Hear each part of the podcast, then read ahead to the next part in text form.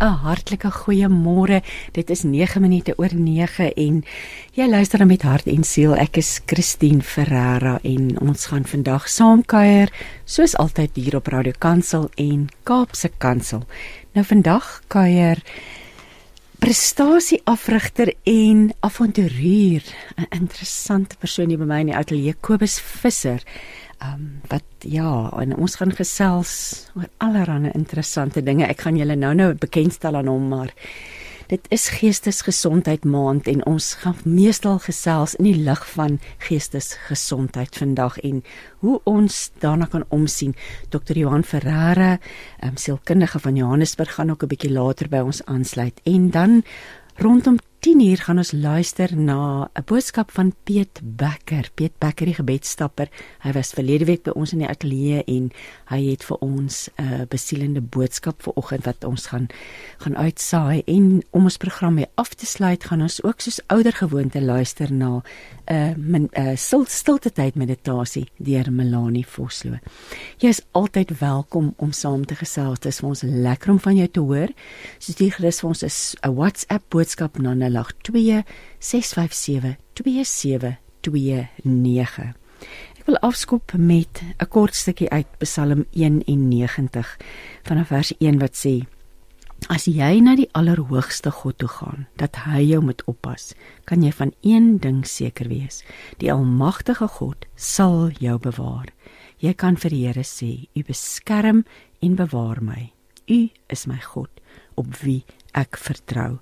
Vers 3 sê dis die Here wat jou uit die moeilikheid kom haal. As iemand jou met skelmstreke om die bos bly, gelei het, hy bly getrou aan jou. Hy sal jou verlos van enige gevaar wat jou lewe bedreig. Hy sal jou veilig oppas en daarom kan jy by hom gaan wegkruip met sy groot liefde keer hy die gevaar af.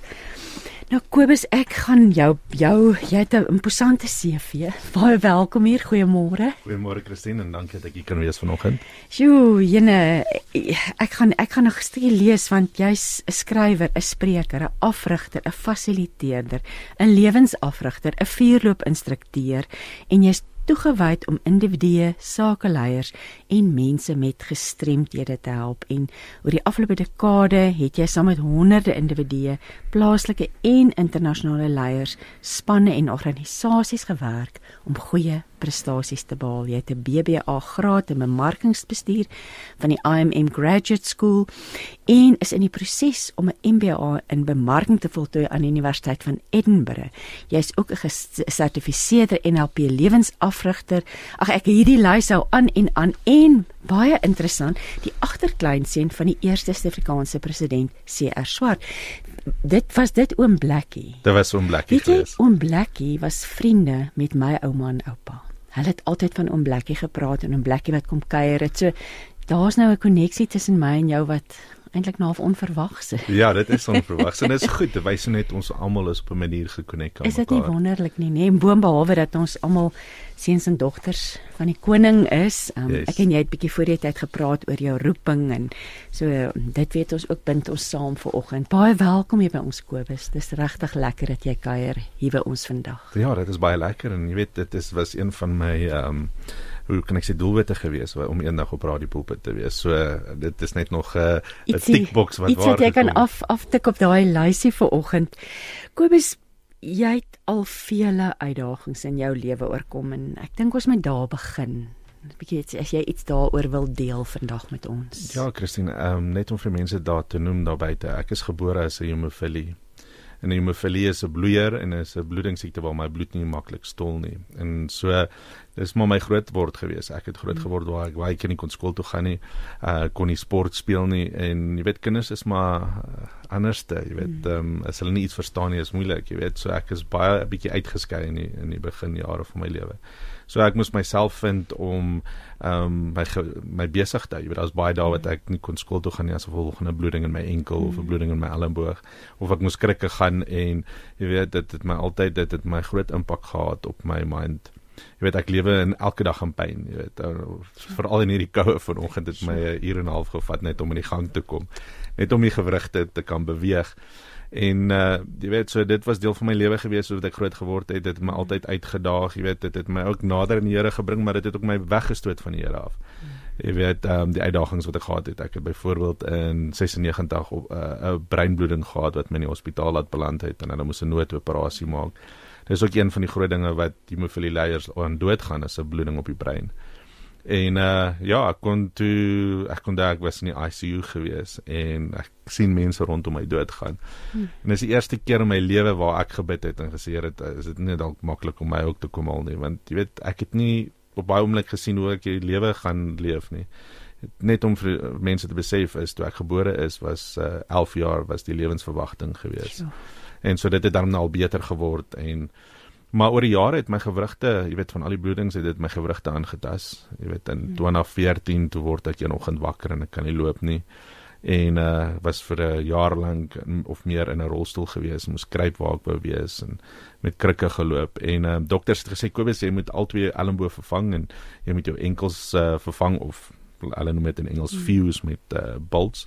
En dit was my realiteit gewees, dit was my toekoms. Dit was uh, either gaan dit aanvaar of ek moet dit verander. Ehm um, maar wat een ding wat op my op hierdie reis gesit het is my eerste seun is gebore. En uh ek kom by die hospitaal kan hom nie optel nie want ek het my regter elmboog is veral baie swak. Ek ek het nie spiere nie. En uh kon hom nie optel nie, kon hom nie vashou nie. Ek kon daai tye wat dit hy gehuil het, was dit vir my 'n uitdaging. En uh tot ons ons tweede kind verwag het. En ek weet nie of dit 'n seun of 'n dogter is nie. En uh my seentjie teken 'n prentjie en op die prentjie is daar twee babetjies en hy het 'n kruisie oor die een en hy sê pappa ek wil nie 'n sussie hê nie. Ek wil graag 'n boetie hê wat met my kan speel wat pappa kan nie. En hy kom by hom en by my en toe hy by my kom het ek ook so kruis oor my. En jy weet ons almal kom op 'n kruispad in ons lewe en daai oomblik was my kruispad waar hy sê pappa is dood vir my. En dit het my net laat besef jy weet dit was die volgende uitdaging in my lewe van wow, uh, is daar nog iets om voor te lewe? Jy weet my eie kind, jy weet, vir my was dit 'n groot ding uh, vir my seuns te en ja, hieso sit ek my seuns sien my as dood. Ek onthou die eerste keer toe hy in die gehoor sit toe ek hierdie storie vertel. Toe hy lê en hy kom na my toe en hy sê pappa asseblief vergewe my, ek het nie geweet wat ek doen nie en ek sê vir my seun, is dit nie vir dit was nie. Ja. So ek nie kon doen wat ek vandag doen nie. En hoe oud was hy gewees? Ehm um, op daai stadium was hy 7 jaar oud gewees. Die wysheid van 'n van 'n kleintjie wat basies jou lewe omgedraai het Kobus. Ja. Want as mens nou luister na wat jy alles doen en hoeveel mense jy bereik, het die Here duidelike doel met jou lewe gehad. En jy het ook vir my genoem dat jy baie bewus daarvan is dat dit wat jy doen om ander mense te help is 'n is 'n roeping. Dit is roeping, jy weet, ek was deel ek is deel van 'n familiebesigheid gewees van die begin af. Dis kom ek bemarking gaan swat het om dit in te ploeg in by die besigheid. So in tot en met 2014 was dit deel van my lewe gewees. Asof al van uitdagings soos wat ek nou verduidelik het en ek het begin besef, jy weet, ek onthou ek sit eendag toe met 'n geweer in my hand en ek dink jy weet dalk is dit beter om dit tot einde te maak. Tot uh, ek 'n goeie vriend het wat my bel en ek besluit om te antwoord daai dag en uh, hy nooi my toe uit na 'n naweek wegbreek en dit was deur 'n bekende Suid of eh, of ek bekende in die selfontwikkelingswêreld Hannes Dreyer.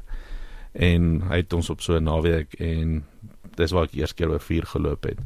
En uh, dit het my net besef God het ons so fantasties gemaak dat ons liggame kan homself genees. Ons jy weet en ons liggaam het alles binne ons. So en vir al vir jou om dit te doen, want jy weet jy's 'n bloeier en enigiets kan verkeerd gaan. Ja, ek was baie in vrees geweest daai aand. Ek onthou en ek het baie uh, in Engels guts gehad om te moes oorloop, jy weet, en ek loop toe daai aand oor en ek kon nie slaap nie. Ek gelyk my liggaam, daar was geen blaas nie, daar was geen niks nie. Daar was jy weet, die voorbereiding was net oor die hier's nou 4 en gaan oor jou doelwitte en fokus. En uh, ja, dit gedoen en daaroor geloop daai aand en besef daar's iets meer daar in die wêreld wat ons nie baie keer besef nie en ek het toe vir myself gesê okay voor ek gaan opgee op hierdie lewe gaan ek eers op 'n ontwikkelingsreis gaan om te ontdek wat is daar buite en hoe het God ons so magtig gemaak? Wat kan ons doen? Jy weet hmm. woord sê jy sal vir 'n berg sê spring op en ja. skuif. So kan ons iets doen vir ons liggame nie? Jy sê nou iets baie belangrik want selfdood is is 'n realiteit. Ag oh, net angs en depressie en ons gaan nou net met dokter Ferreira ook daaroor gesels. Maar wat ek hou van wat jy nou sê en dis my 'n belangrike boodskap vir oggend is iets het jou gekeer. Dankie tog jou vriend het gebel, jy het gegaan op hierdie naweek en jy het besluit daar is goed, jy wil dit ondersoek. Jy wil jy wil gaan kyk wat lê daar buite vir jou. En ek dink dis belangrik. Dis belangrik vir enigiemand wat vandag luister en dalk sulke gedagtes koester, nê. Nee. Is om konstant te bly groei. Jy weet enige plant ja. as hy ophou groei, gaan hy dood. Ja. En is om onsself te bly leer, want jy weet een ding wat my pa geleer het is om boek te lees. Hmm. En uh om konstant nuwe dinge in te bring. En ek dink dit het my ook baie gehelp, jy weet daai ontdekking om nuwe dinge te leer en en te bly groei. Um met mindset basies.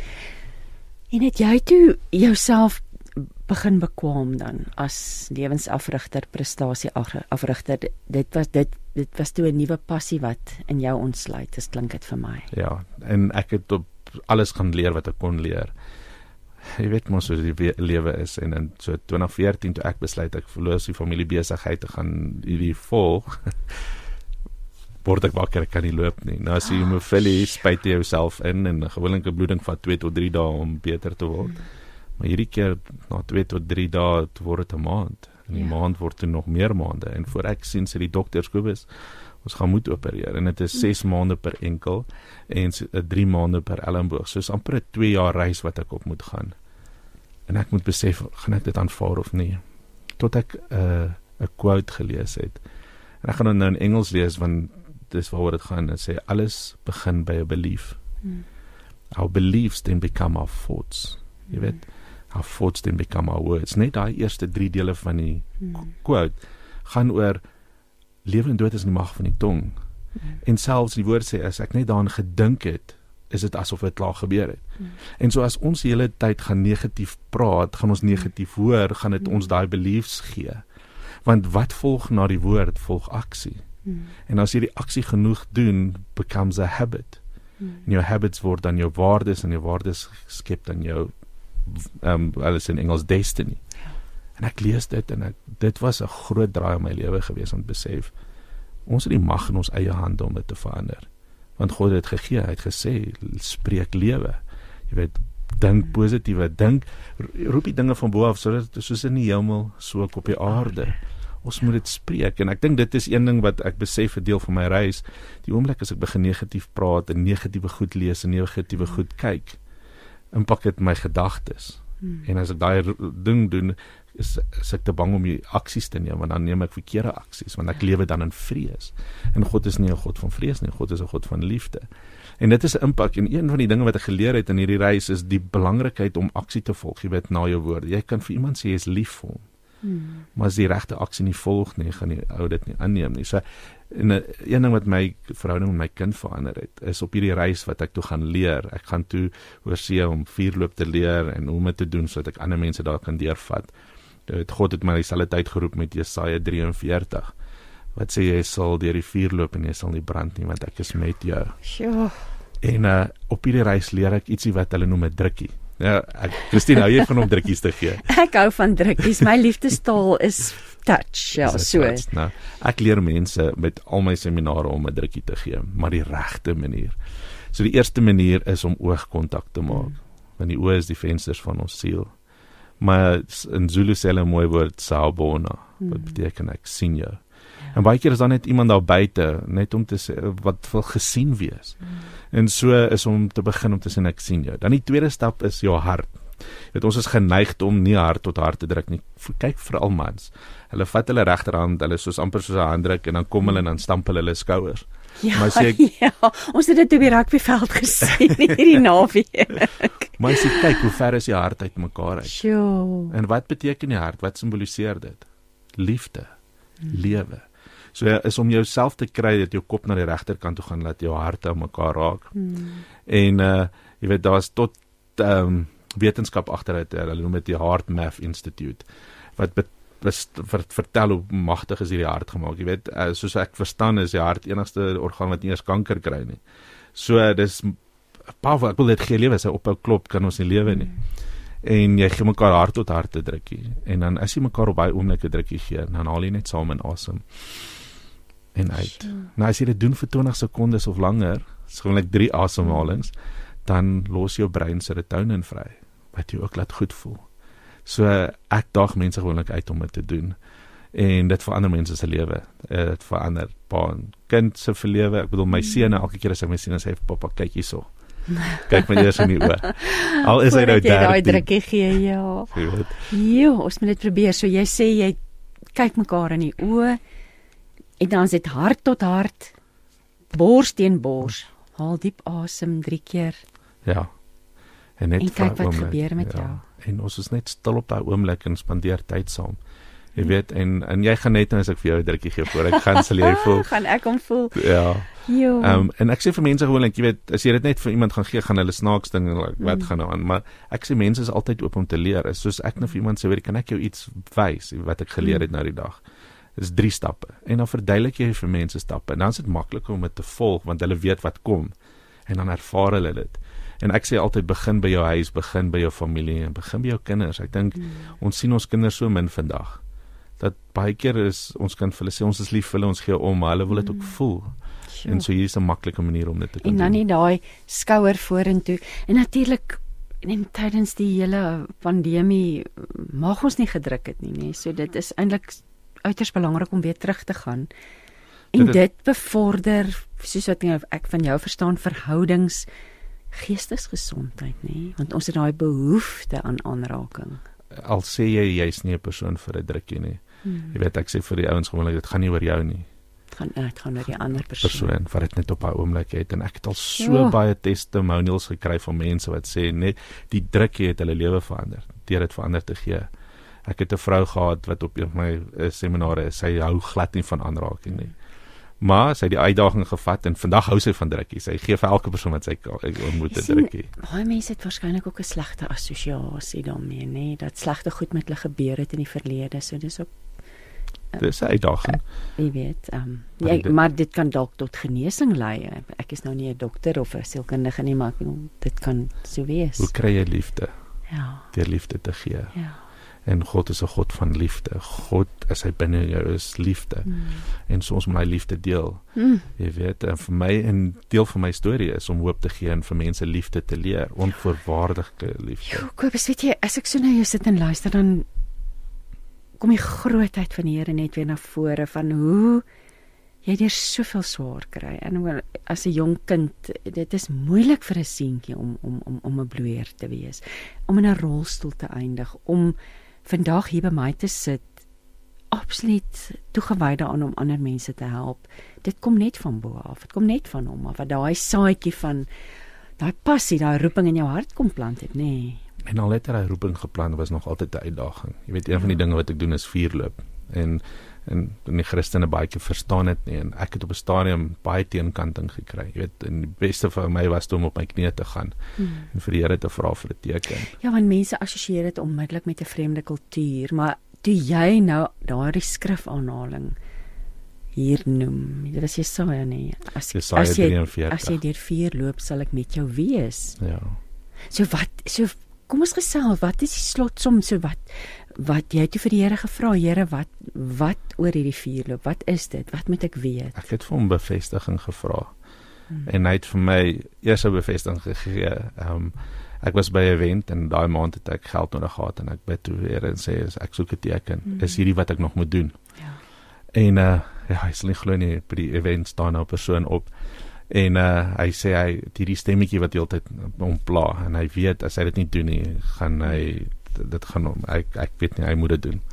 Staan op en hy kom na my toe en hy sê hy voel net hierdie stem sê hy moet vir my iets gee en hy gee van presies die bedrag geld op daai staan was 25. Wie loop met 25000 rand in kontant? In hulle sak, in hulle sak. agtersak rond. Hy het vir die Here, hy self sê daai dag gesê hy weet nie hoekom nie, maar hy het dit saamgebring en uh, daar gee hy dit vir my.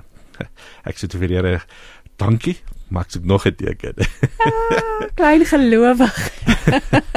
Paar dae later, uh, en sy is nou vandag my besigheidsvernoot en vriend en sy het al met Kilimanjaro geklim. Ehm um, stuur sy vir my ook na 'n event, toe ons mekaar moet oor die ek soek jou bankbesonderhede.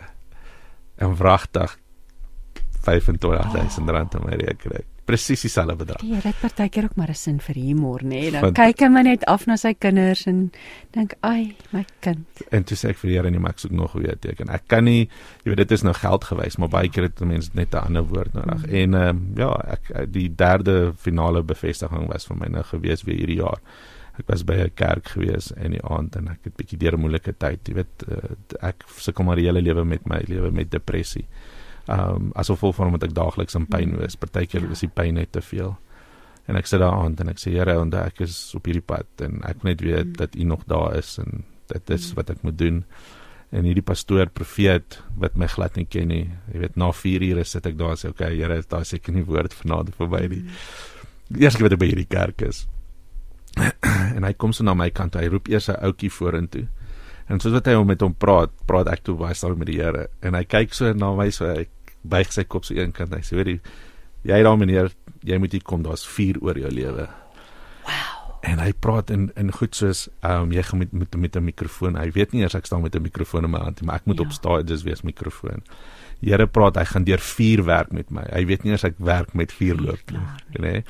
En uh, hy sê toe uh, die Here sê hy gaan my wêreldwyd vat om om om om mense aan te raak. En my lewe is geroep om nie in die kerk te wees om met mense te praat nie, maar met die die mense wat gebroken is da, ja.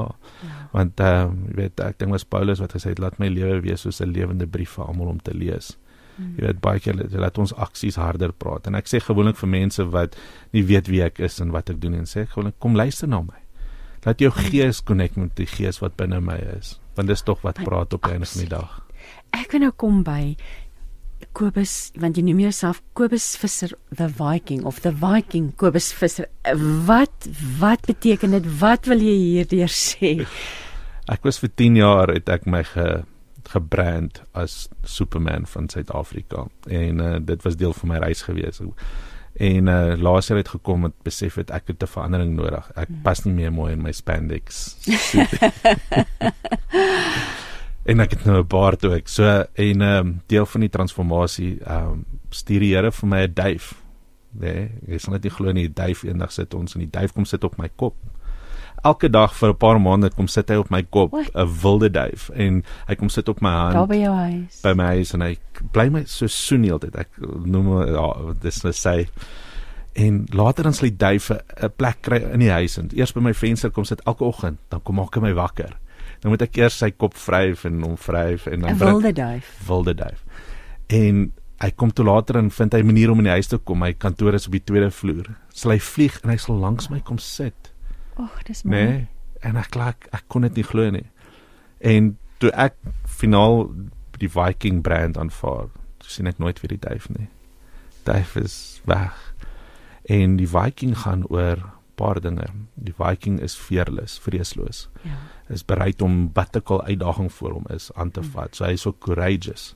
Uit courage om dit te mm. kan doen.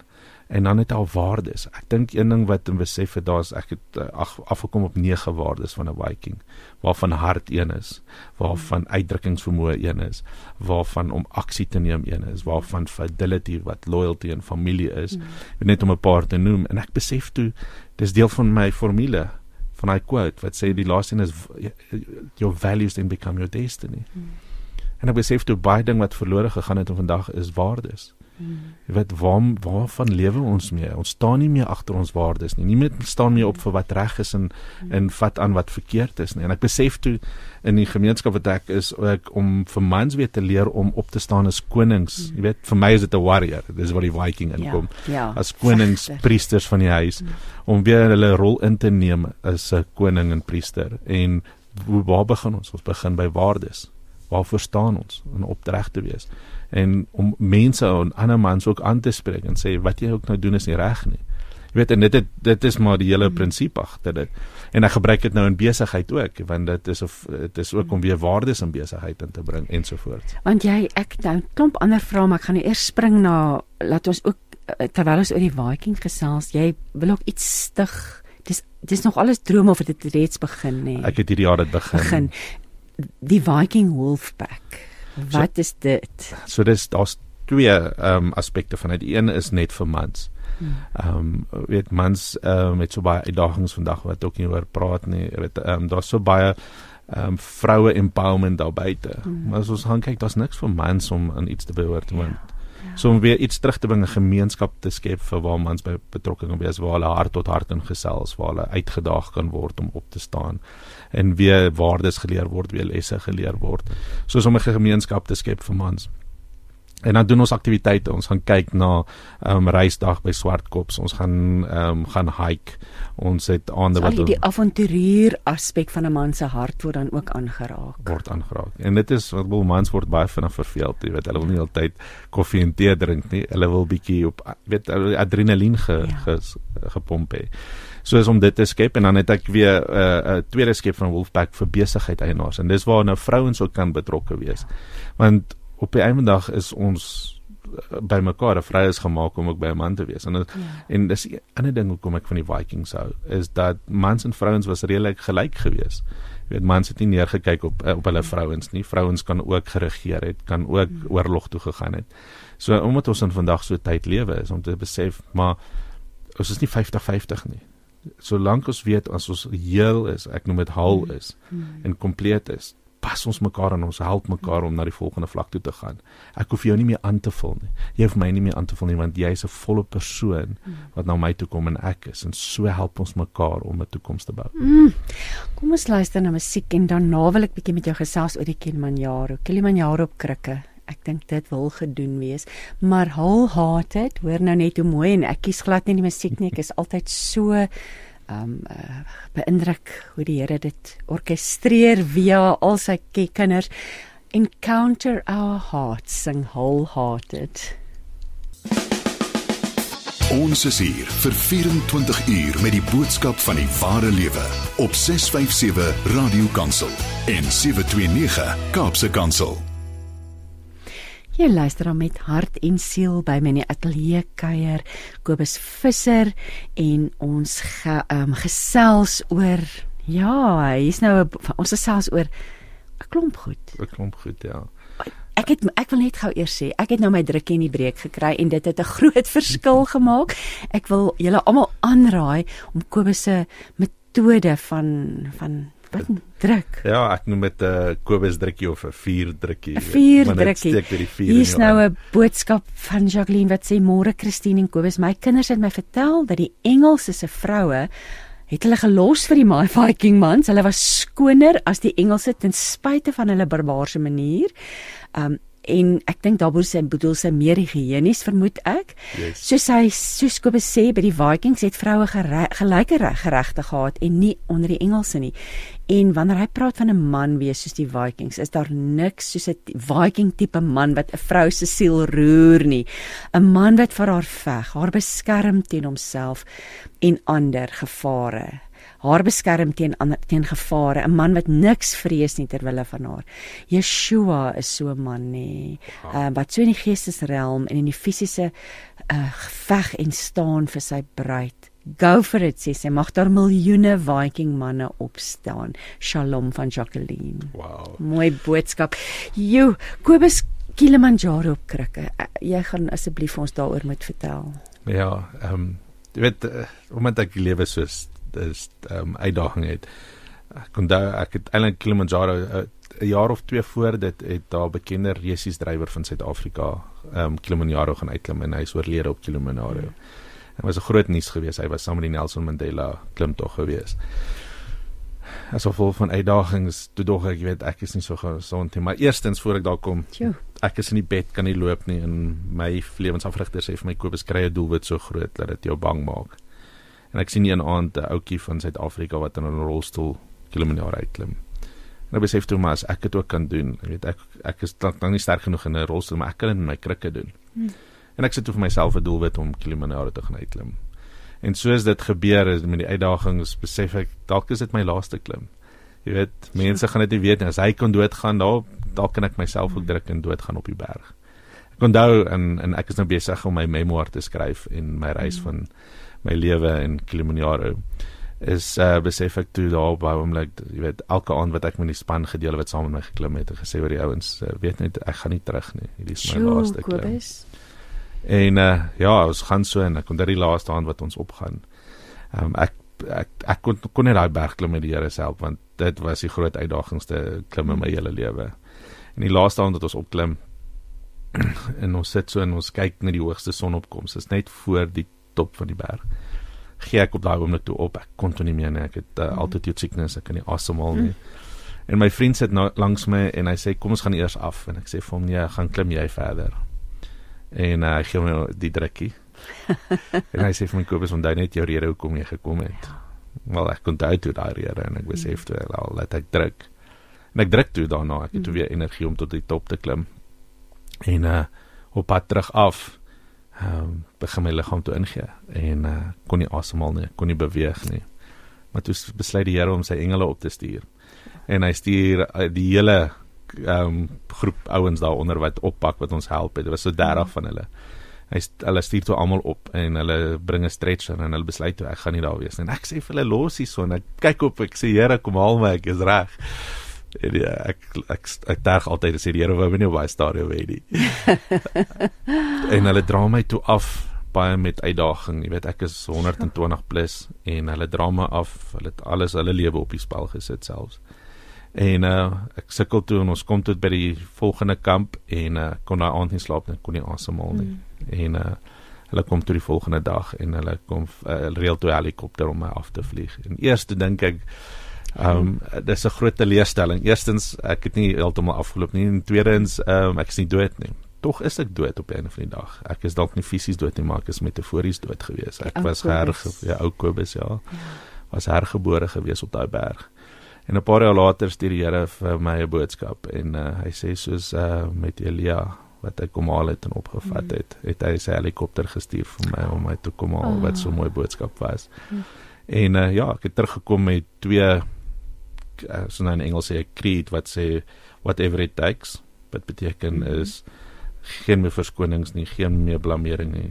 Ek moet doen whatever it takes en dan die tweede een is live without regret om voluit te lewe. Jy weet ons het net hierdie een lewe. Mm om elke dag dit te maak en dit die moeite werd te maak en net te bly leef. Ja, so en dis die twee beginsels waar volgens jy nou lewe en wat dit ook al vat en leef sonder spyt. Yes. Ek wil nou vir jou vra Hoekom is dit vir jou belangrik? Ons is nou aan die einde van Geestesgesondheid Maand, maar dit dis 'n onderwerp wat ak, aktueel bly.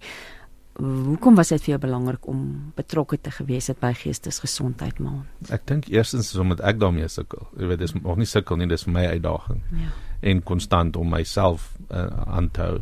Eerstens, tweedens is ehm um, in die verlede het ek al 'n paar kennisse en vriende verloor as gevolg van selfdood en ek het besef toe daar so groot nood veral na Covid. Jy weet, ehm um, het baie mense wat ek um, gelees het en ondersoek gedoen het wat besluit het om op te gee. En besef is die beste manier is om te begin praat daaroor, om bewusmaking te maak en vir mense te sê jy weet, ehm um, as ek nou kyk net na mans vir vir veronderstel is dat mans gaan nie uitreik en sê oor die huis ons ek help my nie, jy weet, soos wat ons groot gemaak is nie tog die beste wat vir my gehelp het en wat ek vir mense sê is vir jou om uit te reik. Nie net om te vra hoe gaan dit mm. nie.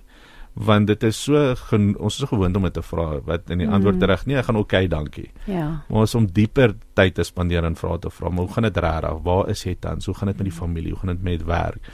En bietjie regtig belangstelling te toon.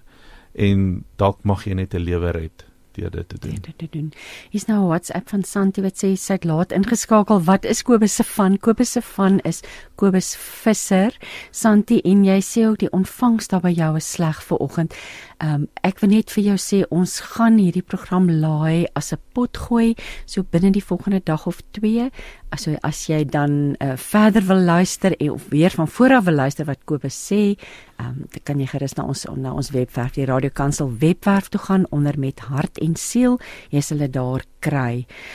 Kobus ja, die pad jy het genou genoem, jy het self en o natuurlik eh, Woesie herinner my, julle kan ook liewe luisteraars luister na ons op DStv kanaal 882. As jy sukkel met die AM ontvangs DStv 882 kan jy ook luister. So ek gesels met Kobus Visser the Viking en um, Kobus is hier van Centurion. Kobus ek was sommer ek sien ons nog so 'n bietjie tyd oor maar ter wille van ons luisteraars, hulle kan met jou kontak maak, nê? Nee. Dis reg ja, en dit is Kobus met 'n C. Dis nie Ja, Kobus met 'n ja. K nie, Kobus met 'n C visser. En hulle kan my hulle sal my vind op alle sosiale media en uh, my webwerf is kobusvisser.com en ek het twee boeke geskryf waar uh, drie boeke saam met 'n vriend geskryf. So as mense na my uitreik, sal ek die PDF weergawe vir hulle verniet gee om hulle te help want dit gaan oor Ja. the power of the mind. Ja, Kobus.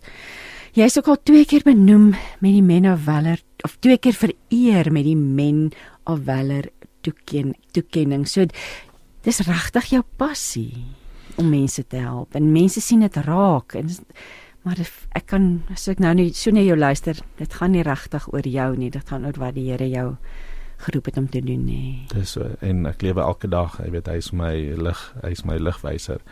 Ehm um, en is regtig om 'n verskil te maak in die wêreld. Um, my oupa grootjie wat staatspresident was, hier swart. Ehm um, het ook 'n impak te speel. My pa het na die dag hy's 'n broek wat hy gedra het in die 60's vir my gegee. So ek moet nou net so 'n bietjie gewig verloor dan sal ek kon hom pas. En ehm um, een van my groot drome is om eendag so, so impak te maak op die wêreld waar ek by die VN presidente sal toespreek om vir hulle te sê om te sê is tyd om hoop te bring, is tyd om in geloof te stap en is terug om te kom na ons basiese waardes toe om vir iets te Jy staan. droom groot en ek weer oor weer die woord nalatenskap, nê. Ja, van dis jou oupa grootjie en kyk nou net sy klein seun wat wat eintlik sy die, die daar's so mooi woord in Engels legacy ja. sy nalatenskap uitleef. Jo, wat so oor pa en oupa en so gepraat, wat beteken dit vir jou om 'n pa te wees? 'n pa te wees is om 'n rigtingwyser te wees vir my seuns, om Mhm. vir hulle eh, te wys van om te glo in jouself, om te glo en en en te besef jy kan 'n verskil maak in die lewe. En om weet ek sit eendag so saam met my seun en hy kyk na my en sê vir my pappa, pappa ek moet doen wat pappa doen eendag.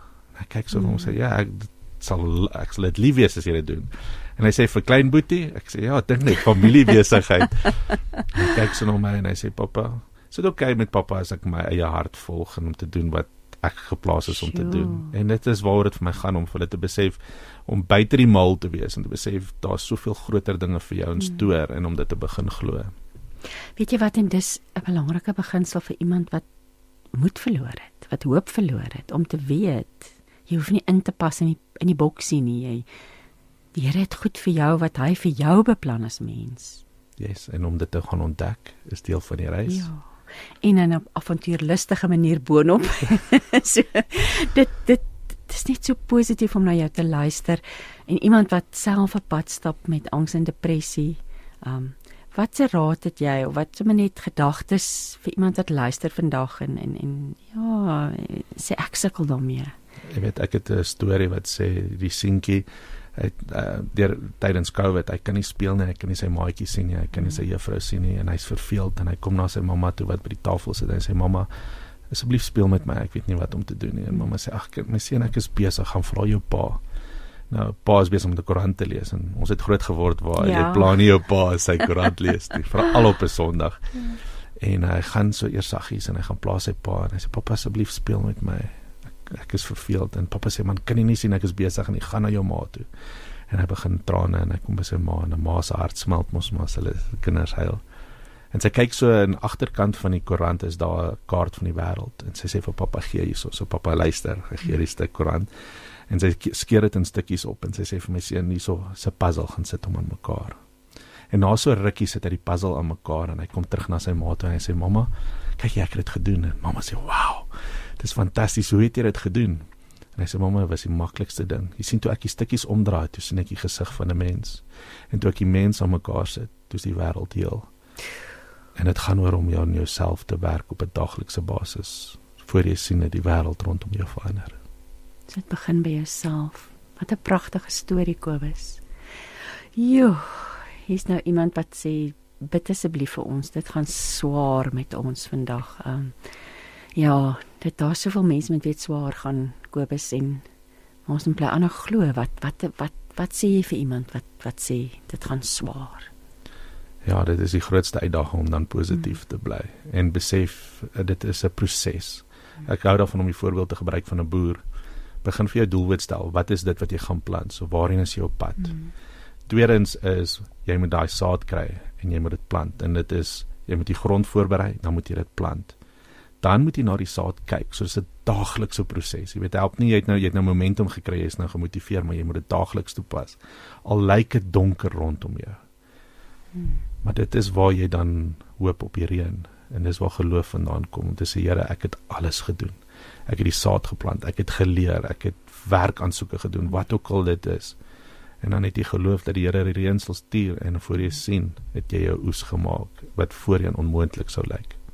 Hier's nou iemand wat weer vra, hoe kan ons Kobus kontak? So, ehm um, Kobus kobusvisser.com, Kobus met 'n C of is kobus@kobusvisser.com. So en, ek, okay. en ek is op alle sosiale so, media. So daar is plek daar om met jou kontak te maak. So ehm um, ek wil net vir ons luisteraars sê besoek gerus die webwerf Kobus Visser Kobus met 'n c.com en daar is ehm um, soos die meeste webwerwe is daar 'n kontak my of contact me uh, uh rampie en dan kan jy daar met Kobus kontak uh, maak.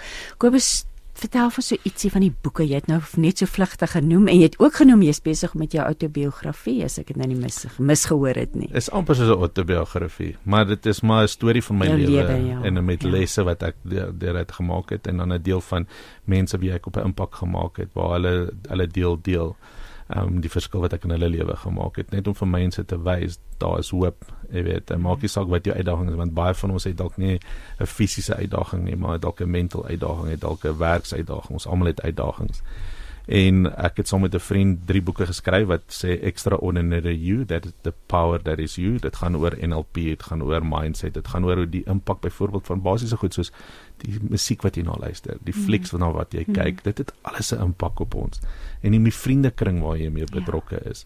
En om te besef jy die jy die mag in jou eie hand om dit te verander en uh, ja so dit is ek en 'n vriend het dit begin want dit is wat 'n impak op my lewe mm. gehad het Laaste gedagtes, ons kom nou aan die einde van ons gesprek. Laaste gedagtes van jou kant af. Die ding is uh, begin goed doen wat jy voor bang is in die lewe. Jy weet en en dis waar die adventure deel inkom. Gaan doen iets, kom buite in die natuur, gaan hike, gaan doen iets wat jou bietjie druk. Gaan bungee jump as dit moet, jy weet. Um, en dit sal jou bietjie weer lewe inbring met adrenalien skop in en dit gee ons lewe en dan kry jy 'n doel wat waarvoor jy net wil lewe en fokus daarop sodat jy 'n rede het om weer elke dag op te staan. En dit kan maar 'n klein doelwit wees. Dit hoef nie iets groots te wees nie, nee. Dit kan net wees om deur hierdie week te kom om te sê dis wat ek wil bereik of ek wil elke dag begin oefen. Dit hoef nie iets groots te wees nie, want ja. baie keer begin dit by die klein dingetjies. En ons is weet ek is op die berg en ons loop hier aan, dis -17 en ek ek wil opgee, ek kan nie meer nie en ek vra van die guide, ek kan nie eens sien waar en waar is ons. Hmm. En hy sê Kobus, kan kyk af. Kan jy jou volgende tree sien? En kyk af. Ek sê ja, hy sê al wat jou fokus geen in daai volgende tree. So ons doelwitte mag dalk daar voor ons wees. Hmm. Maar dit is nie waar ons op moet fokus nie. Wat is die tree wat ek nou vandag moet gee? So belangrik nê nee, en bedoel die eens die prentjie van die berg. Jy het 'n paar baie wyse goed vandag kwyt geraak en ek wil net teruggaan na daardie wat jy gesê het oor geloof nê dat God gee vir ons die krag en die geloof dat ons vir die berg kan sê skuif nê. En soos 'n berg gaan ons ons opdaai en baie ja. keer gaan ons moet afkom ja. sodat ons net weer kan opgaan. En ja. dit is die reis. Ja. Ek kan net weer die detail kontak detail herhaal. Ek het gesels met Kobus Visser, the Viking Kobus Visser. En ehm um, jy kan gaan kyk op sy webwerf, hy's op sosiale media. As jy by op Facebook of of Instagram intik Kobus Visser gaan gaan hy opkom. Ehm um, en jy kan ook gaan kyk by sy webwerf kobusvisser.com as jy graag met hom wil kontak maak want ek neem aan jy jy werk met mense individueel, jy werk met groepe nie waar nie.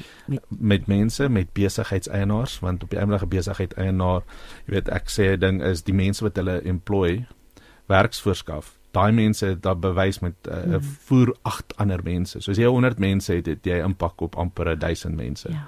So ook om besigheid eienaars te help sodat hulle die mense kan help. So dan met die spanne om 'n kultuur te skep van samehorigheid en familie. Jo Kobus, wat 'n voorreg was dit nie om vanoggend met jou te gesels nie. Ek het dit regtig geniet en ek wil jou alles seën toewens vir die toekoms en mag hierdie droom wat in jou hart leef Jo, om eendag in die VN te kom om mense te om die wêreld te verander, mag dit waar word. Um, Jy's 'n dapper kryger. in God se weermag en ons eer jou daarvoor. So Baie, baie nogmaals dankie. nogmaals dankie. Ons gaan nou luister na Vanessa Venter wat vir ons sing Throne Room Worship. Ons is hier vir 24 uur met die boodskap van die ware lewe op 657 Radio Kansel en 729 Kaapse Kansel. Dit is Vanessa Venter wat Throne Room Worship met ons gedeel het. Maar kom ons luister nou na Piet Becker. Goeiemôre.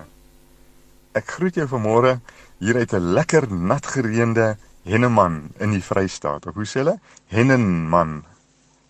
Nou ek moes my getuienis hier kom deel by die Hennenman biblioteek en ek het die storie vertel van hoe ek 'n paar ja, so 2 maande gelede hier deurgestap het op pad Kuruman toe. Dieselfde getuienis wat ek verlede week op Radio Kansel gedeel het. En toe ek nou hier opdaag by die biblioteek in die voorportaal, is daar 'n tafel vol boeke. Sommige so gelaai met al die boeke. En ek kyk so deur die boeke en sal jy nou glo, daar kry ek 'n boek wat geskryf is deur my eie tannie Maria M Becker. Uh die boek se titel is Die Toedeur. Dis eintlik 'n 'n vreemd soortige titel vir uh as mens dink hoe baie sal mens eerder wil hê dit moet 'n oop deur wees, nê. Nee, so ek het onmiddellik die boek gekoop. En dit is vir baie spesiaal want uh op die pad waar ek ook met Billy Simon te doen gekry het, waarvan ek laasweek vertel het. Uh kry ek nou vandag my tannie se boek en jy sal nie glo hoe is die boek 'n deel van die legkaart van die groter prent waarmee die Here in my lewe besig is nie. So ek het by die leeskring het ek nou vertel hoe spesiaal dit was om die boek te kry en ek vertel toe van Billy Simon wat 51 jaar gelede 'n saadjie in my hart gesaai het. Die saaiman het die woord gesaai. En soos wat hy oor 51 lande of in 51 lande die woord gaan saai het waar hy met sy fiets gery het. En my groot verrassing toe ek sien die woord saai word 51 keer in die Bybel gebruik. En is net al die 51 51 en is so opwindend en ek sien toe ek nou um, sy hoed as persent kry, het hy ook op sy hoed geskryf een van sy gunsteling psalms, Psalm 51. Dit was nou vir my uh baie interessant en ek het toe na die praatjie uh so deur tannie Ria se boek geblaai. Die eerste woorde in die boek is die titel, die toedeur en die volgende woord of die gedrukte uh, wat gedruk is, is die datum waar die boek geskryf waar die boek uitgegee is. En dit was in 1972. Julle, dis 51 jaar gelede. En ek weet net hierdie boek is deel van my wandeling, deel van hierdie storie en ek vra vir die Here maar hoe pas dit in? Hoe pas die toedeur nou in? En soos gewoonlik wat ek gewoonlik doen is ek gaan soek mos in die Bybel om te sien wat sê die Bybel daarvan. En weet jy wat sê die Bybel van 'n toedeur? Ek kry toe 'n skrif wat my regtig raak en ek wil dit deel vanoggend met jou. Want Jesus het gekom by 'n plek waar 'n toedeur was. En Jesus staan voor die toedeur. Ek lees hom vir jou in Openbaring 3 vers 20. Kyk, ek staan by die deur en klop. As iemand my stem hoor en die deur oopmaak, sal ek ingaan na hom toe en saam met hom 'n maaltyd hou en hy met my. So mag jy vandag 'n wonderlike dag hê en mag jy vandag as jy sy stem hoor, nie jou hart verhard nie. Mag jy dan die deur oopmaak, die deur van jou hart, sodat hy kan inkom en saam met jou 'n feesmaal hou. Kry jou koppie koffie gereed en luister weer na jou gunsteling program. Laai ons potgoeie af. Besoek radiokansel.co.za. En dit was Piet Becker gebedskap stapper ons sê baie baie dankie vir daardie boodskap al die pad uit Henneman uit. Ons gaan nou vir Dr. Johan Ferreira op die lyn kry en gesels oor Geestesgesondheid Maand en hoe ons wat kan ons doen? Wat kan ons doen om beter en gesonder te leef om seker te maak dat ons na liggaam, siel en gees um tot eer van die Here kan leef. Maar ons het nou vir Johan op die lyn. Goeiemôre Johan. Hallo. Ons staan Johan, ons staan aan die einde van Geestesgesondheid Maand. Um, jy's jy as sielkundige het daagliks te doen met die uitdaging van mense rondom hulle geestesgesondheid en dis iets waar ons nie baie praat nie, maar ek wil vir jou nou vra, waarom is dit so belangrik om bewus te wees van geestesgesondheid in hierdie tyd wat ons in leef? Ek dink ons beleef maar almal hier in Suid-Afrika 'n tyd van groot druk um 'n tyd van groot aanpassing. Um en ons as jou kundiges is eintlik baie dankbaar dat daar 'n groter bewustheid is van mense se geestesgesondheid by individue. Want dit maak dat jy weet ons as 'n groep, ons as 'n gemeenskap um uiteindelik iets kan doen aan hierdie aan hierdie ding wat eintlik maar met ons almal saamleef en dit is jy weet hoe gaan dit met my gees? Hoe gaan dit met my gemoed? Um, so vir baie jare was daar 'n was daar 'n miskenning en 'n ontkenning veral by ouer mense. Ehm um, ek weet dat ons dat ons geestesgesondheid iets is wat ons eintlik maar op ons eie moet oplos. Jy moet maar net jou gesig reg trek en beter voel. Ehm um, so daar's 'n daar's definitief 'n 'n skuif na na groter bewussyn by mense dat hulle iets hieraan kan doen en dat hulle eintlik iets hieraan moet doen sodat dit nie net met die individu kan beter gaan nie maar dat dit kan beter gaan met gesinne, dat dit kan beter gaan met 'n gemeenskap en dan hopelik dat dit beter kan gaan met ons as 'n volk, ons as 'n land. Johan, ek wil nou vir jou vra oor die diagnose wat die meeste voorkom in jou praktyk op die oomblik en die dinge waarmee mense op die oomblik die meeste sukkel. Ek het nou vir Kobus Visser in die ateljee gehad en hy het gesels oor angs en depressie en ja, maar ek wil nou by jou hoor wat kom die meeste voor op die oomblik by jou? Ja, kyk angs en depressie is maar 'n redelike algemene verskynsel, maar wat ek definitief in my praktyk sien op die oomblik is ehm um, is die voorkoms van uitbranding waar mense eintlik hulle hulle negatiewe emosies wat soms angs en depressie insluit net vir te lank ontken en misken en minimaliseer en net net probeer deurdruk. Ons moet net onthou dat uitbranding is nie net iets wat met mense gebeur wat in 'n korporatiewe pos byvoorbeeld werk nie. Ehm um, mamas kan uitbrand, oupas en oumas kan uitbrand. Dit hang af van die van die konteks van ons lewe. So jong mense kan uitbrand. Jy weet mens hoef nie mens hoef nie al 20 jaar lank aan iets blootgestel te wees voordat jy aan uitbranding begin begin ly nie. So dit is 'n dis 'n baie algemene verskynsel wat ons op die oomblik sien. Ek dink veral na die jy weet na die COVID pandemie het mense al weer dit gekom en ons het oorleef van ons en ons het beter geword en nou is ons nou is ons terug in die in die hamsterwiel en en mense beur nou gewoon net vorentoe met met baie min genade vir hulle self genade vir die toestand waarin hulle is. Ehm um, so so so uitbranding is definitief iets wat op die oomblik ehm um, redelike hoë frekwensie by mense uh presenteer. Johan, voordat jy vir ons verder vertel oor wat jy waarneem, kom ons praat bietjie meer oor in diepte oor uitbranding. Hoe weet ek dat ek potensieel aan die uitbrand is. Ja. Ehm um, die eerste ding wat wat mense gewoonlik agterkom is dat hulle normale ritmes en hulle normale rotines nie meer vir hulle 'n gevoel van verligting bring. So ek ek kan in die aand vroeër gaan slaap en ek kan aanhou oefen en ek kan myself dalk beter toerus met meer vaardighede by die werk um, of net in my lewe maar my gevoel van moegheid my gevoel hm. van dat ek oorweldig is my gevoel dat die lewe nie vir my noodwendig meer sin maak nie die gevoel dat ek elke oggend half opstaan en ek ek leef so half onder die water is 'n dis 'n geweldige moeite om deur die dag te kom.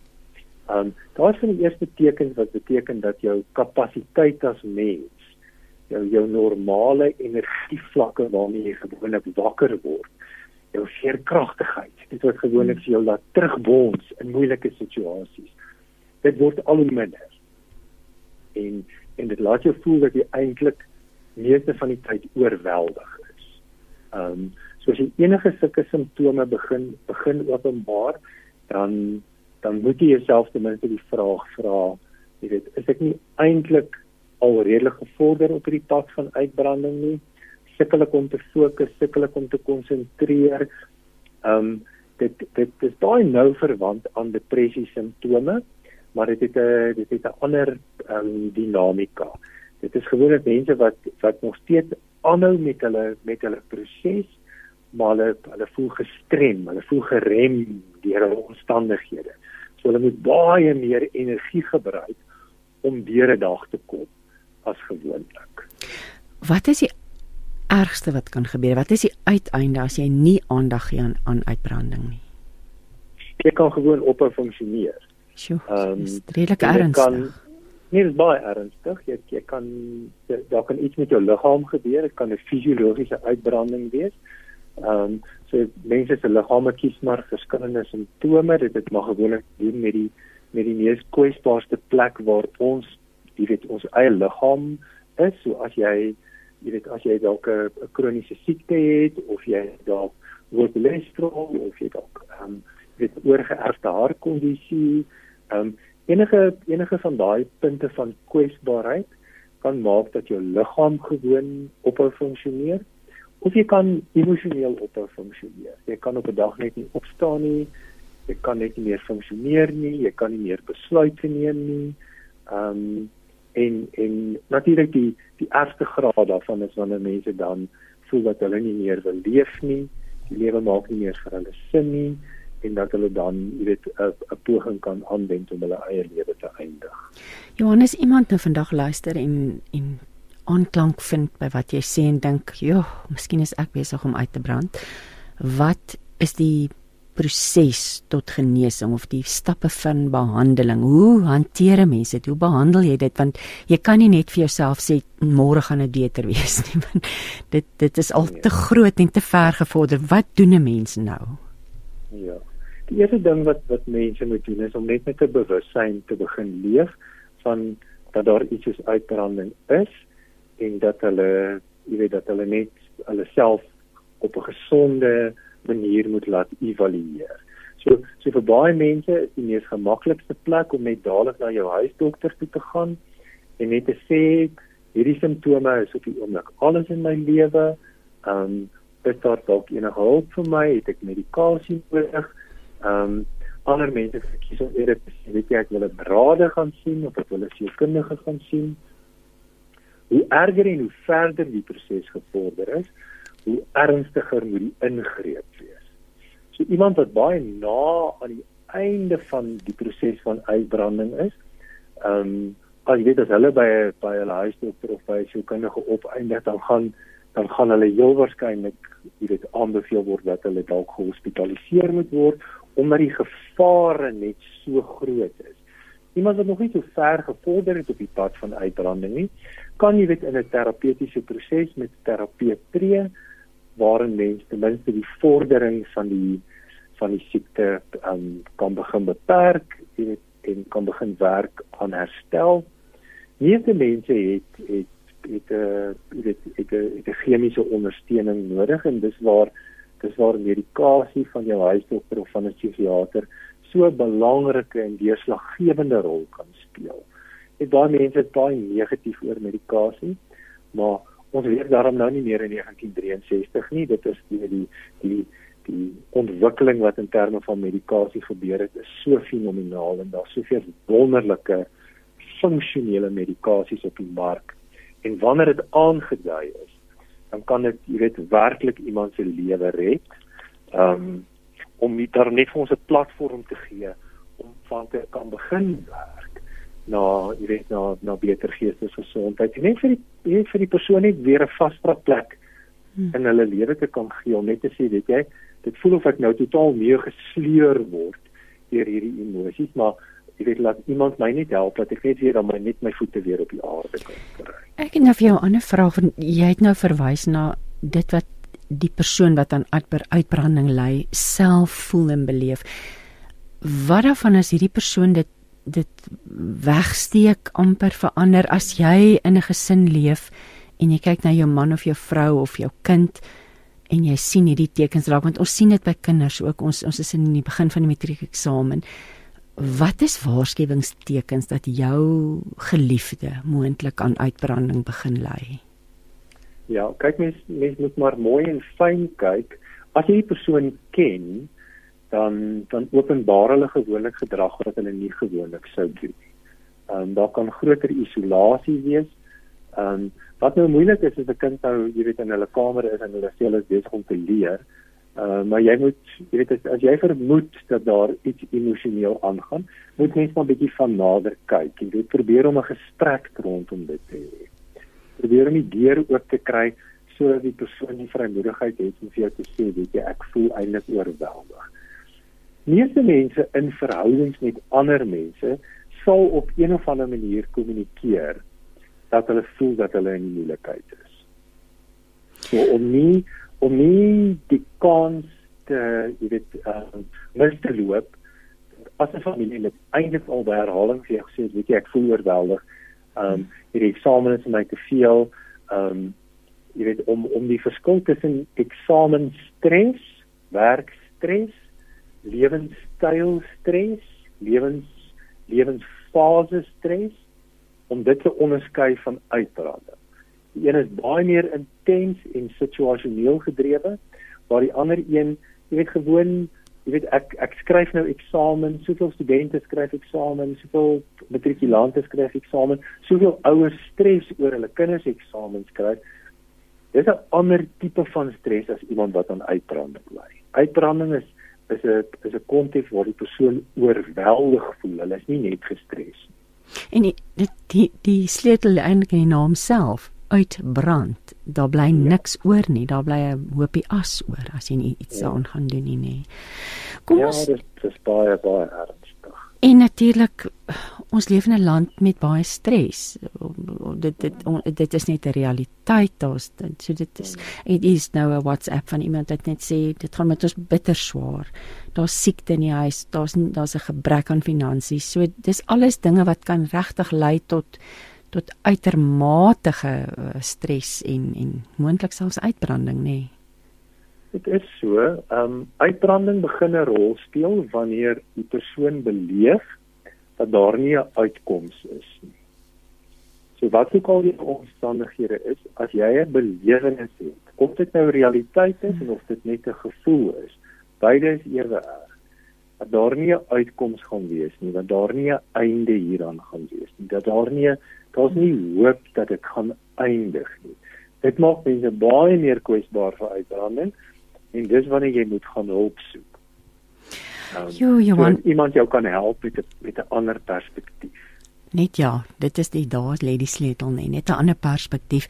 Kom ons gesels 'n bietjie. Ek het nou 'n persverklaring ontvang van Affinity Health wat hulle juis met die oog op geestesgesondheid maand verwys na vier tipes ehm um, geestesgesondheidsversteurings en die impak wat dit het, het op 'n mens en uh, dit wil my na die punt te bring as dat dit sekerlik van die top 4 dinge is waarmee mense sukkel.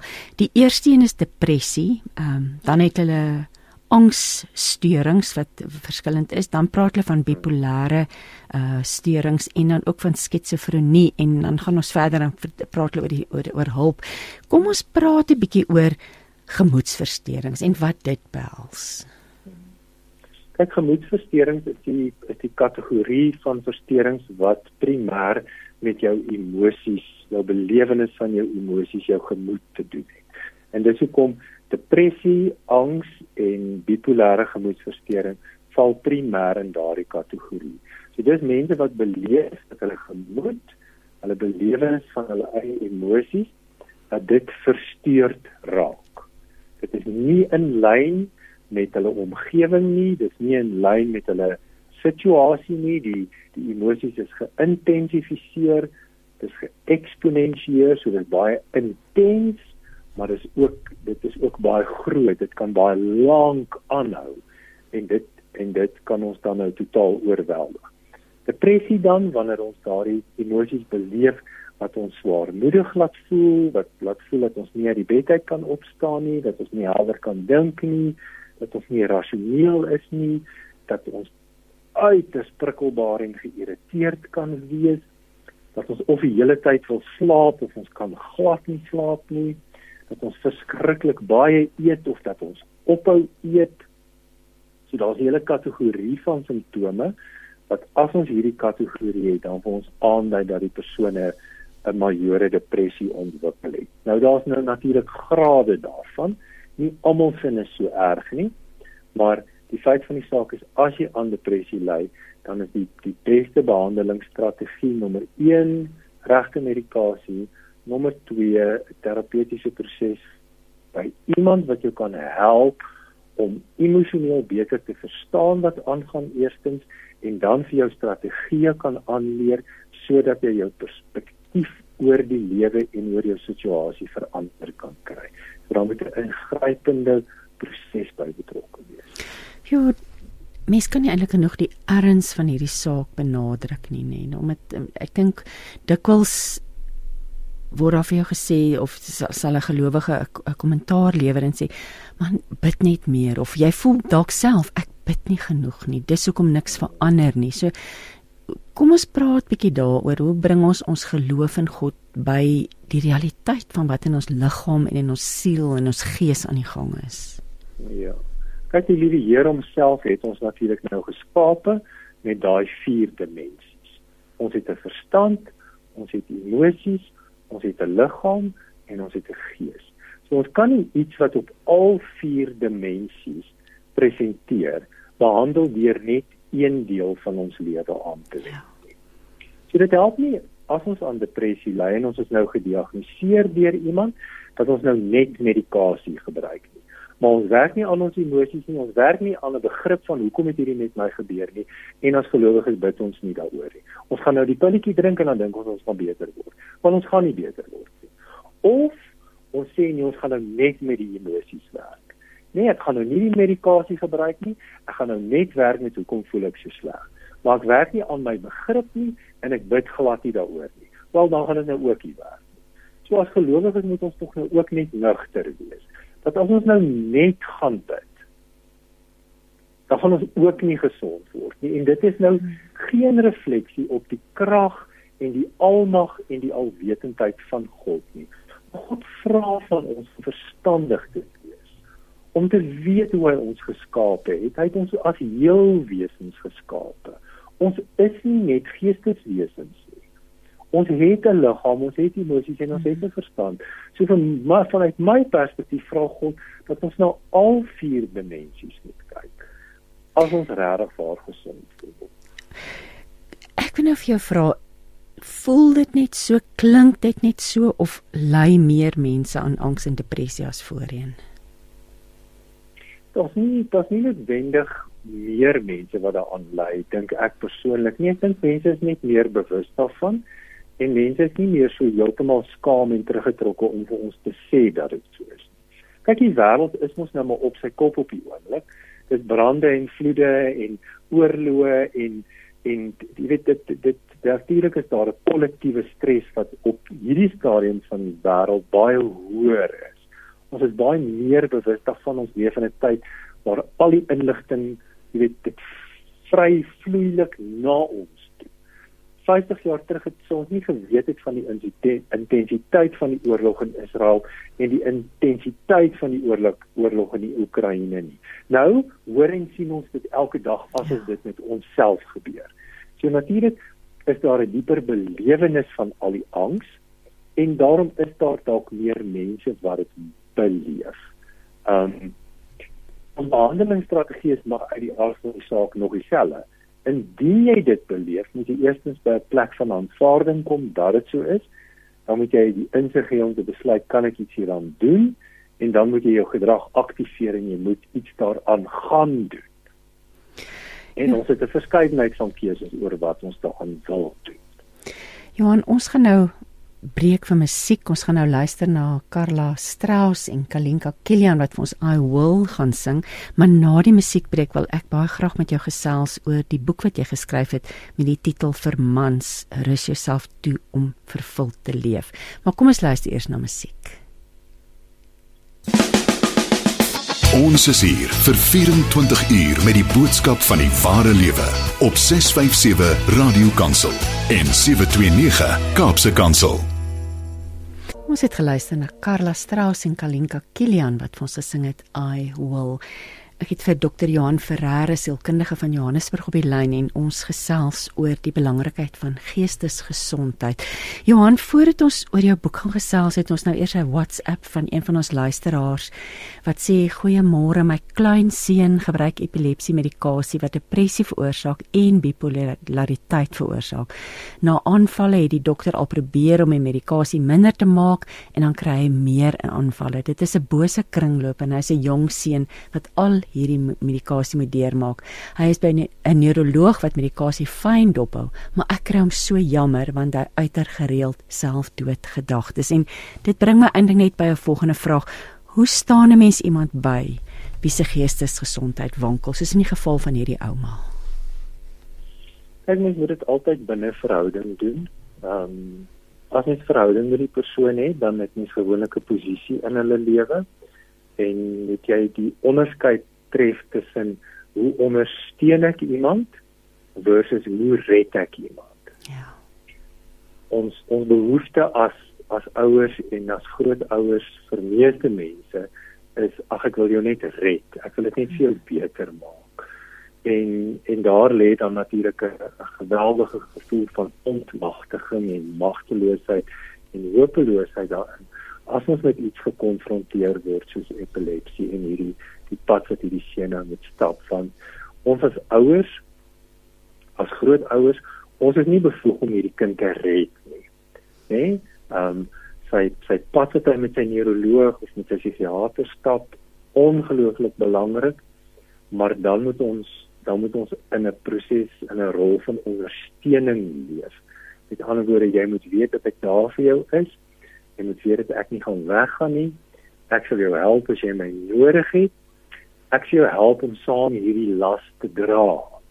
Want uh, jy weet 'n epilepsie diagnose is 'n diagnose wat 'n uh, eh, in meeste gevalle 'n lang termyn proses is. Dit is 'n hier is 'n lewenstyl aanpassing wat mense moet maak wanneer hulle daai diagnose kry. En dit raak nie net die pasiënt nie, maar dit raak ook die familie. So ons ons dra saam die las.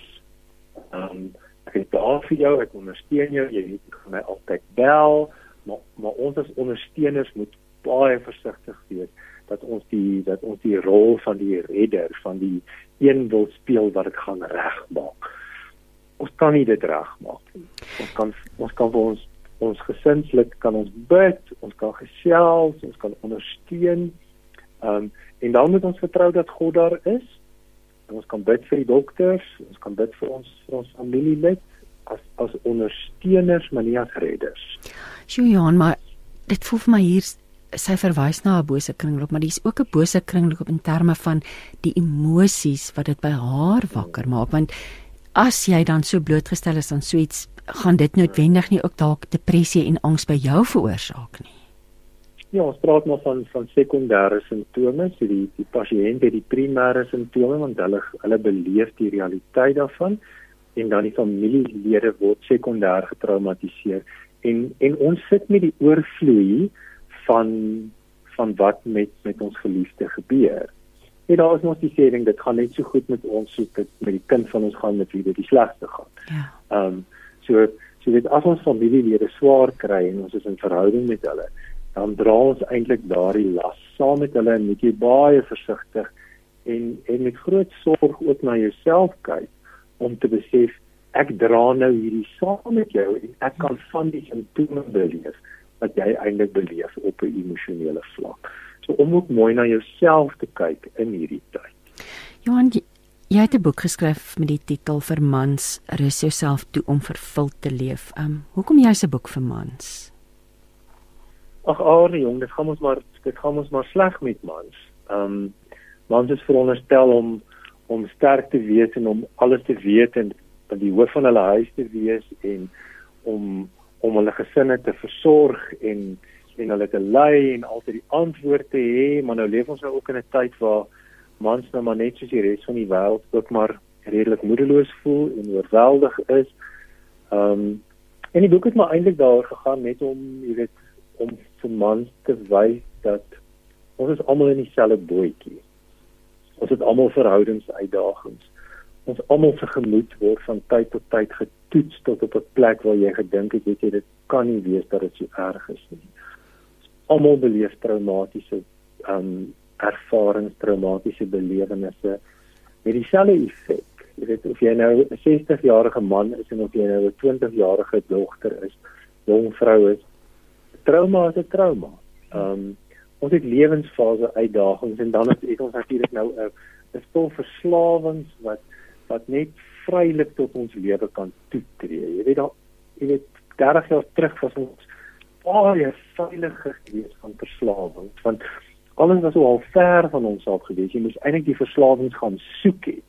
Jy nou hoef nie meer verslawings te soek nie. Verslawing bly nou, jy weet, op jou foon in die realiteit van jou lewe. Ons kan verslaaf raak aan 'n verskeidenheid van goed baie vinnig en baie gou en niemand hoef daarvan te weet eers nie. So dit is 'n hele nuwe dimensie wat ons as terapeute beleef. Dat jy weet dat dat mense maar veral mans se verslawingsgeneigtheid is verskriklik hoog op die oomblik. Um net omdat die wêreld so vinnig en so baie verander het. So die boek gaan gaan eintlik basies daaroor net om 'n bewustheid te skep by mans dat weet jy ons is nie uniek nie. Ons kan almal in 'n slaggat trap deur deur bloot net te lewe en dan weet net net 'n bietjie raad en leiding oor wat sou die eerste stappe wees. Ehm um, hoe word ek bewus van wat met my gebeur en dan waarheen neem ek dit? Hoe werk ek daarmee? Ek het nou hier oopgemaak op 'n bladsy wat die hoofstuk se titel is Angstigheid neem my lewe oor. So ons kan hieruit aflei dat mans net soveel aan angs ly as as vroue. Of definitief, definitief. Ehm um, angs, jy weet hoe angs in ons lewe voorkom en presenteer hang maar af van ons persoonlikheidstyl. Ehm um, so jy weet van ons van hoe ons grootgemaak is, ons opvoeding. Uh so mans se angs presenteer dit ons anders as vrouens se. Ehm um, nie nie noodwendig anders nie, maar dikwels. Ehm um, maar dit beteken nie dat mans nie ook angs beleef nie. Ehm um, dit is dit is dit is baie algemeen. Angs is iets wat wat vryvloeiend in mense se lewens kan wees. So jy word eintlik wakker met angs. Ehm um, jy weet nie te mans moet dan met daardie angs dan nou in hulle dag ingaan. Ehm um, hulle moet hulle werk gedoen kry. Ehm um, jy weet hulle hulle moet hulle moet 'n goeie man wees vir hulle vrou, hulle moet 'n pa wees vir hulle kinders as hulle kinders het. Ehm um, so daar's baie keer ontkenning by mans dat dat hulle angstig is. Ehm um, wat dan op 'n stadium so erg kan raak dat dit hulle kan oorweldig. So so vanuit die perspektief van mans, vrouens het natuurlik uit die aard van saak ook angs, maar mans se angs sien ons dat dit gewoonlik later ehm um, dat hulle later ontbloot dat hulle eintlik al baie lank aan angs ly. Ehm um, Angs is natuurlik 'n baie behandelbare toestand. Ehm um, gelukkig een van die die toestande wat wat makliker behandelbaar is in my opinie. Weereens, jy weet 'n kombinasie van al vier die dimensies van jou lewe moet aangespreek word. En ehm um, dit help net as as iemand jou help. Ja. Uh jy weet as jy nou van die donker rondtas dan dan gaan dit jou baie langer vat en jy gaan baie seerder kry as wat iemand wat eintlik iets van die onderwerp weet net vir jou die lig kan aanskakel en net 'n bietjie jou hand vat en net net deur die eerste paar stappe kan begelei dit help dit help gewoonlik baie. So ons onderstreep eintlik net weer vandag die belangrikheid daarvan om hulp te gaan soek. En dan wil ek vir jou vra is is jy sê dit vat langer vir mans om om uit te kom en en en en by by hulp. Hulle dra dit langer binne in hulle binne in hulle self rond. Ja, kyk, ek nou al ek nou al meer as 30 jaar as sielkundige, so ek het nou al julle dae in my dagboek wat ek net mans sure. byvoorbeeld afsprake het wat eintlik wat eintlik 'n wonderlike fenomeen is. So mans is baie meer, al jonger mans, is baie meer oop om te erken, weet jy, oor wêreld ek sukkel met iets. Ehm um, Maar dan tradisioneel is dit mos so maar dat dat dat mans mos nou maar moet sterk wees en hulle moet moet hou en hulle gesig moet regtrek en aangaan met die lewe. Ek sê nie vrouens doen dit nie, maar Um, ons sien gewoonlik wanneer ouer mans presenteer met angs dan as jy mooi die geskiedenis afneem dan sê hulle eintlik vir jou dat dit eintlik al dat dit eintlik al baie jare so is. Hmm. Ek het nou eers by 'n plek gekom het om te praat. Kom ons ja. kom ons kyk na die positiewe kant want jy sê rus jouself toe om vervuld te leef. So ek wil nou vir jou vra Hoe lyk want dis waarna ons almal streef nê? Nee. Hoe lyk 'n vervulde lewe En hoe kan ek sorg dat my lewensprentjie in so 'n mate verbeter dat ek ook 'n vervulde lewe kan hê? Nou kyk, dis waarop die hele beweging van die positiewe sielkunde eintlik gerig is. Dis om te sê kom ons kom ons identifiseer net eers wat is fout, kom ons maak die regte diagnose hopelik, dan behandel ons dit en dan volg die volgende fase. Die volgende fase is hoe begin ek as individu binne my lewensfase, binne my gesitueerdheid as mens, hoe begin ek dan 'n meer vervulde lewe te leef? 'n Lewe waar ek optimale funksionering kan beleef. Nou dit verskil natuurlik nou van persoon tot persoon want ons het verskillende vaardighede, ons het verskillende persoonlikheidstyle, ons het verskillende talente en ons het verskillende behoeftes. Jy weet, dit wat vir my 'n vervulde lewe is, hoef nie noodwendig 'n vervulde lewe vir iemand anders te wees nie. So dit is 'n lekker individuele proses waar jy waar jy kan sê, jy weet ek wil ek wil God se uitnodiging aanneem waar hy vir my sê gee vir my die begeertes van jou hart. Sê vir my wat jy graag wil hê, wat jy wil hê. En dan kyk ons, hoe kom ons daarby uit? Eerstens, wat in my lewe moet ek dadelik stop? Wat is vir my sleg? Tweedens, wat is alwesig in my lewe wat eintlik vir my goed sal wees? Wat moet ek dadelik begin? Eers kom, kom ons stop dit wat sleg is. Nommer 2, kom ons begin dit wat goed is. En dan nommer 3, waarmee kan ek gewoon aanhou? Wat is eintlik reeds funksioneel in my lewe? So, dis nie dis nie weggooi van alles nie. Ons evalueer dit wat goed is, ons behou dit. Ons kyk dis wat vir ons sleg is en ons ons ons werk 'n strategie uit oor hoe gaan ek daai goed stop. Dit kan ons nou nie dit is dit kan ons nou nie in 'n oomblik stop nie, dit is baie keer 'n proses. En dan wat is eintlik weg in my lewe? Wat wat waar is daar leemtes? En dan bepaal ons wat wil ek as mens nou in my lewe inbring wat vir my na 'n vervulde lewe toe gaan vat. Wat vir my na 'n lewe toe gaan vat waar ek voel, weet jy, nou doen ek Nou doen ek goed, nou lewe ek die lewe wat God vir my bepaal het. Ek vroeg nou nie meer so nie, ek kry nou meer van hierdie goed reg. En dit bring vir ons emosies van dankbaarheid, emosies van veerkragtigheid. Ehm um, jy weet allerlei allerlei positiewe wonderlike goed. Ehm um, wat wat uiteindelik vir ons dan dan laat voel, weet jy die lewe is nou meer vervul. So weer eens in die lig van geestesgesondheid maand dit die kollig val dis belangrik en die kollig val op alles wat verkeerd is en maar daar's ook hulp en dit is ek dink ek eintlik die belangrikste boodskap maar van jou kant af laaste gedagtes net in die lig van geestesgesondheid maand Nom een bewussyn nê nee, waar is my lewe? Ehm um, neem 'n bietjie tyd gaan sit elders waar dit stil is praat met jou geliefdes, vra jouself net af: Is ek op 'n plek waar ek voel dat my lewe vir my sin maak? Ehm um, wat is wat is afwesig in my lewe? Ehm um, wat waarna smag ek eintlik? Waarna verlang ek? Ehm um, wat was dalk al in my lewe wat ek opgehou doen het wat vir my goed was? Wat het ek dalk nog nooit in my lewe gedoen? Jy weet, wat is die volgende wat is die volgende uitdaging wat ek vir myself kan gee? Wat binne die konteks van my lewe sou pas. Um so eerstens is 'n plek van bewustheid en dan om te sê wie en wat kan my help? Dit is iets wat ek op my eie moet doen of is dit iets wat ek iemand moet vra om my mee te help? Het ek verantwoordbaarheid in my lewe nodig? Wil ek iemand vra om te sê help my om te sien dat ek hierdie positiewe dinge in my lewe doen? Um as daar iets negatief is wat ek moet staak, hoe hoe skep ek verantwoordbaarheid iemand wat dalk saam met my sal kyk en sê ek gaan jou ondersteun, kom ons kyk of ons dit kan regkry. So die die eerste stap na beter geestesgesondheid is is 'n bewussyn. Ek moet bewus raak daarvan dat ek 'n bietjie oor my lewe dink. Om te probeer om dan nie in veroordeling te gaan. Um, om nie dan te sê ag maar ek is dan nou 'n ou mislukking, kyk hoe sleg is my lewe, dit is nou wat ek verdien. Ehm um, weet daai is 'n baie negatiewe denkpatroon om te hê. Wat baie moeilik is om te verander as die situasie rondom jou eintlik sleg is. Ehm um, ja. so om dan nugter te wees oor weet jy ek is dalk in 'n baie baie baie moeilike seisoen van my lewe.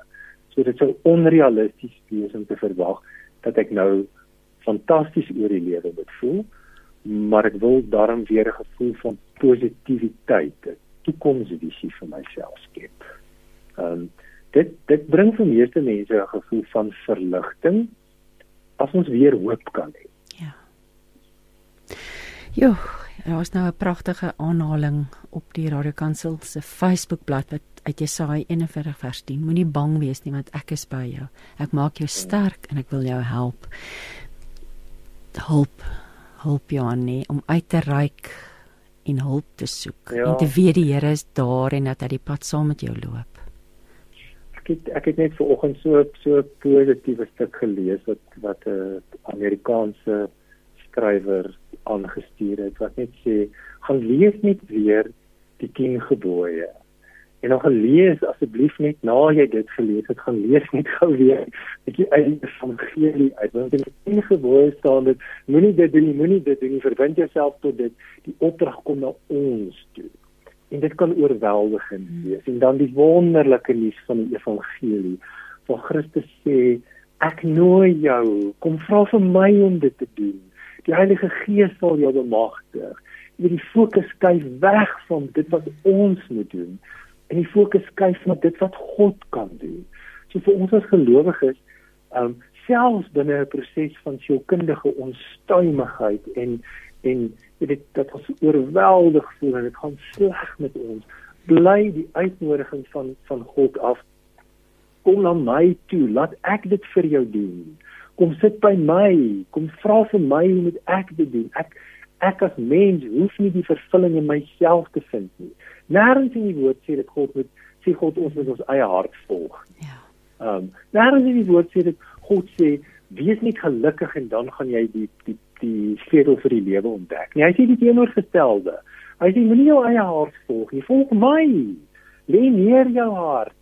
So in 'n sielkundige proses beteken dit ek moet by 'n plek van oorgawe kom maar kan oorgee, maar kan nie oorgee as ek nie erken dat dit my sleg gaan nie. Ehm um, ja. so Christus het 'n ander uitnodiging wat hy na ons toe toe bring.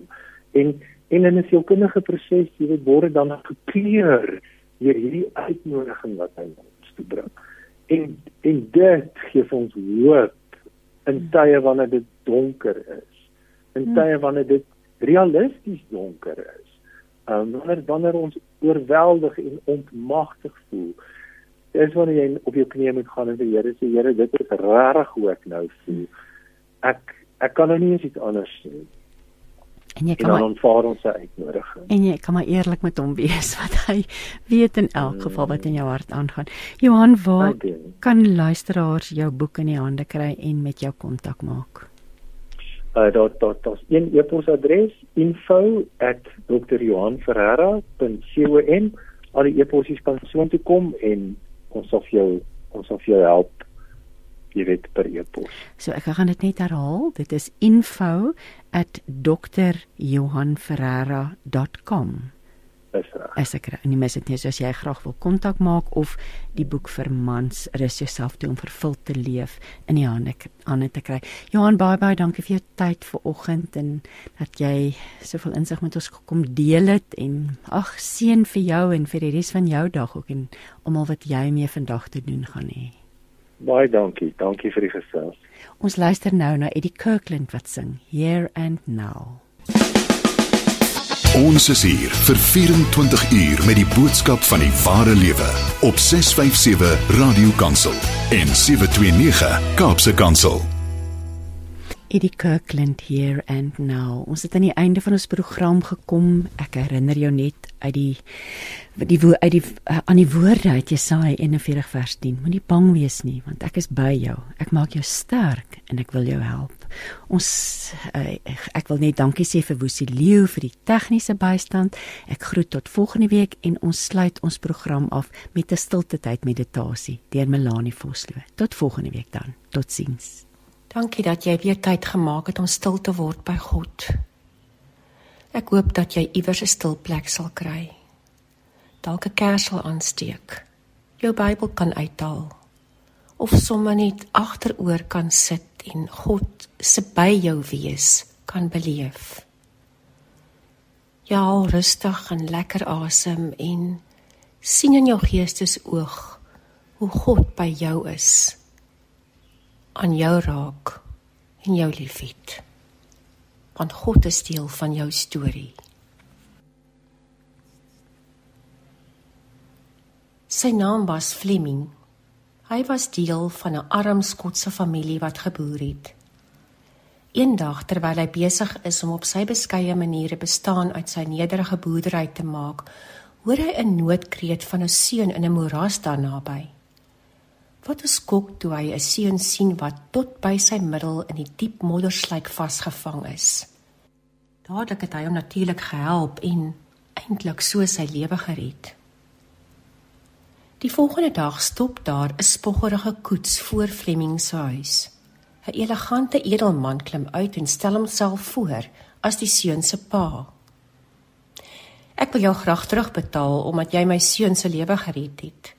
En ek het gedink ek sal graag al die nodige fondse wil gee sodat jou seun ook soos my seun goeie opleiding kan ontvang. Die boer was so dankbaar. Sy seun het hierdie geleentheid met albei arms aangegryp. Hy was in die beste skole en uiteindelik het hy sy mediese graad by St Mary's Mediese Universiteit behaal. Later sou hierdie seun wêreldberoemd raak. Hy was Sir Alexander Fleming. Die man wat penicillin ontdek het. Jare later kry die seun van die edelman ernstige longontsteking. Hy lê op sy sterfbed. Penicillin red sy lewe. En die edelman, wat was sy naam? Sy naam was Lord Churchill. Het jy al daaraan gedink dat jy integraal deel is van God se storielyn van die lewe? Dat hy lank gelede jou spesifieke karakter uit die pen van sy hart geskep het en aan jou die geleentheid gee om saam te skryf aan sy verhaal van hoop vir hierdie wêreld? Wanneer hierdie gedagte dat God vir ons wil gebruik regtig insink, voel 'n mens mos amper stom, onbevoeg En wonder mens, hoe kan God deur my, gewone mens, iets doen? Die waarheid is dat God vir elkeen van ons spesiale talente en uitsonderlike gawes gegee het. 1 Petrus 4 vers 10 sê dit vir ons. So ook Efesiërs 4 vers 11 wat sê hierdie Christus het vir ons spesiale dinge gegee om in die gemeente te doen. Nie elkeen van ons kry dieselfde nie. Romeine 12:5 sê ons is Christus se liggaam hier op aarde. Net soos die verskillende liggaamsdele elkeen sy eie funksie het, het ons as gelowiges ook verskillende funksies. En dan 1 Korintiërs 12 vers 4 tot 5. Daar is natuurlik verskillende gawes wat ons as Christene kan kry. Al hierdie gawes kom van een en dieselfde Gees. Jy het spesiale talente en gawes gekry. Dinge wat net aan jou toegeken is. Ja, God het dit vir jou gegee sodat jy deel van sy storielyn van die groter wêreld kan wees. Hoor weer. Jy is deel van God se storie. Maar jy is ook deel van die storielyn van ander mense.